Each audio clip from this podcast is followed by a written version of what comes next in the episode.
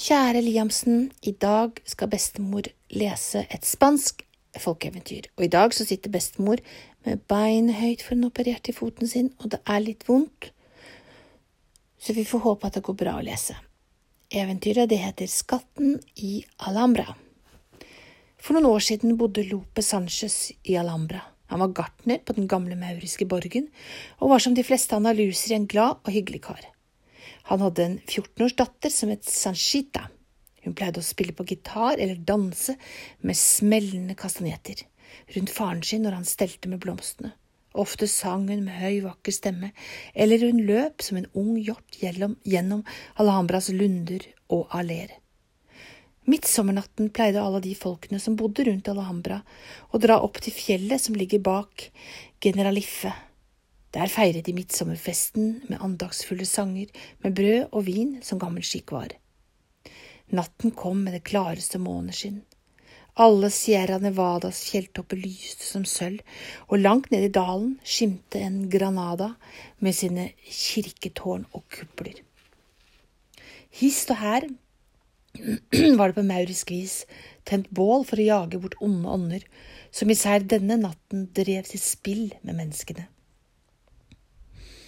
Mens dansen gikk som best, løp Sanchita, som ennå var for barnslig til å være særlig danselysten, omkring blant ruinene av den gamle, rare festningen.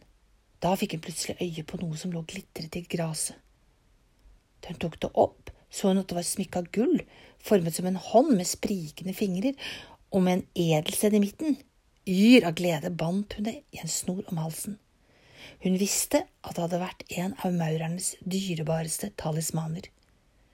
Hun fortsatte å lete i håp om å finne flere skatter uten å tenke på at hun kom lenger og lenger bort fra de andre, og at natten ble stadig mørkere. Da kom hun til en gammel, forfallen brønn. Den var svart og nifs, og det var umulig å se bunnen. Hun slapp en sten ned i brønnen og satt stille og ventet på at den skulle nå bunnen. I samme øyeblikk som katedralen i Malaga slo sine mektige, klangfulle tolv slag, falt steinen mot bunnen med et brak som hørtes som torden langt borte. Det var som om den vekket noe til liv der nede. Først steg en mumling opp fra dypet, som når humlene surrer en vakker sommerdag. Snart hørtes av stemmer. Uroen ble sterkere, det hørtes som trompetfanfarer og klang av sverd, skjold og spyd. Den unge piken ble redd. Hun husket det hun hadde hørt om den siste muhabedanske kongen i Granada, kong Boabdil, og de mauriske krigerne hans, haremet og udådene hans. Hun husket hun hadde hørt at de var trollbundet i berget. En eneste natt om året, midtsommernatten, var de fri fra midnatt til soloppgang. Da samlet de seg for å hylle den siste maurekongen i Granada, han som de kristne hadde drevet bort. Lett som et rådyr løp Sanchita fra brønnen til stedet hvor hun hadde forlatt de andre. Men dansen var slutt, bålene var slukket, og alle var gått hjem. Sanchita stanset andpusten og forferdet. Da hørte hun tydeligere og sterkere lyden av kneggende hester, hornsignaler og klirrende jernrustninger, og til sin store forbaus forbauselse fikk hun se et langt tog av mauriske ryttere i full rustning rake salen som det sømmer seg for riddere, men alle bleike som døden. Midt blant dem red kong Boabdil el Chico med diamantglitrende krone på hodet og purpurkappe med hermelin og edelsteiner. Sanchita så det lange, lysende toget dra forbi seg, ned til Alhambra.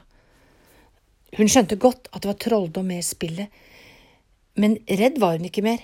Hun visste at amuletten hun hadde funnet i gresset, var hellig for disse menneskene og beskyttet henne mot alt vondt. Da de siste hadde passert forbi henne, fulgte hun etter. Rytterskaren dro fram til Alhambra. Porten sto åpen, og med vaiende faner dro de inn. Sanchita tenkte akkurat å gjøre det samme da hun til sin forbauselse fant en åpning i selve tårnet. Det var en opplyst trapp, og den førte ned i dypet. Gå forbi den klarte hun ikke, og nyfiken gikk hun nedover trinnene, og snart kom hun til en stor grotte inne i fjellet der lamper av gull og sølv skinte på stoler og bord av elfenben og fløyelstrukne divaner fulle av silkeputer. På en ottoman lå en gammel hvitskjegget araber og sov. Ved siden av ham satt en ung kvinne kledd i en praktfull gammelspansk drakt. I hånden hadde hun en lyre av sølv. Sanchita skjønte at dette var den orientalske stjernetyderen som en gang var kommet til Granada, og som siden var sporløst forsvunnet med en gotisk prinsesse han hadde røvet. Den historien var kjent av alle folk i Alhambra, og Sanchita kjente den også. Hun visste ikke riktig hva hun skulle gjøre under så eiendommelige forhold, og derfor neide hun så dypt hun kunne. Den gotiske prinsessen så opp, overrasket over å se et levende menneske her nede under jorden. Kom nærmere, sa hun vennlig, jeg er kristen som deg, skjønt her nede har jeg vært bundet av trolldom i mange hundre år. En bred gullkjede var spent rundt livet hennes og festet til en ring i gulvet. Prinsessen ba Sanchita røre ved kjeden med amuletten hun bar om halsen.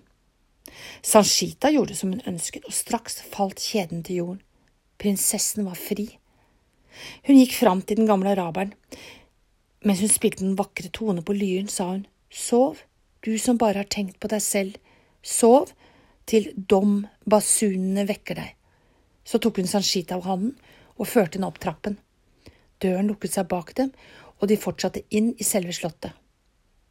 Der inne var alt forandret fra det Sanchita var vant til å se i de tomme salene. Spindelveven var borte, og i stedet var det rike draperier fra fremmede land dyrebare tepper, glitrende springvann og vakre ting hvor hun så. Men prinsessen dro henne snart videre. Tiden iler, sa hun, snart går solen opp, bli, bli med meg til Komares' tårn. Da det hadde gått et stykke, sa prinsessen, her er en viktig, viktig hemmelighet skjult, den vil jeg fortelle deg til takk for ditt mot. På hver side i dette porthvelvet ser du en alabastnymfe Hodene deres vender litt til siden, og øynene deres er rettet mot det samme punktet i hvelvet. Disse to tause statuene holder vakt over en stor skatt som en gang ble begravd her. Finn ut hvor øynene deres møtes. Der skal du finne så mye gull og edle steiner at du blir rikere enn alle andre i Granada. Men bare din uskyldige hånd, sammen med talismannen, kan løfte skatten opp i lyset. Det du finner, skal du forvalte med gavmildhet. Eh, og noen messer for min sjels salighet må du lese foran Madonnas bilde i katedralen. Dermed forsvant hun. Da gol en hane i Darrodalen, den første morgenrøden farget Sierransens snøfjell rosenrøde. Bobabdil og hans krigere forsvant som skygger, og Sanchita sprang hjem for å sove etter nattens opplevelser. Da hun våknet, trodde hun alt hadde vært en drøm, men hun fortalte til faren sin alt hun hadde opplevd. Han tenkte at eh, det ikke kunne skade å forsøke. De fant stedet som nymfenes øyne viste, og da de hadde gravd en stund, fant de en svær, jernbeslått eikekiste. Den var så tung at de ikke kunne få løftet den, men takket være Sanchita og amuletten hennes sprang lokket opp. I kisten fant de gullmynter, diamanter, rubiner, turkiser og andre edelsteiner for svære verdier. De bar dem hjem og gjemte dem i madrassene. For at ingen skulle få vite hva de hadde funnet, dro familien i all hemmelighet til Malaga. Der solgte de skatten litt etter litt med god fortjeneste. Og da Sanchita siden ble gift med en ekte hertug, er jo alt vel og bra. Men ennå kan hvem som vil i Comaret-tårnet se begge nymfene rette sine øyne mot det samme punktet. Dette er et bevis på at det fins kvinner som kan bevare en hemmelighet, selv om det er to som kjenner dem. Det var vel et fint eventyr, vel, Liam? Over og ut. Og snipp, snapp, snute, selvfølgelig, da.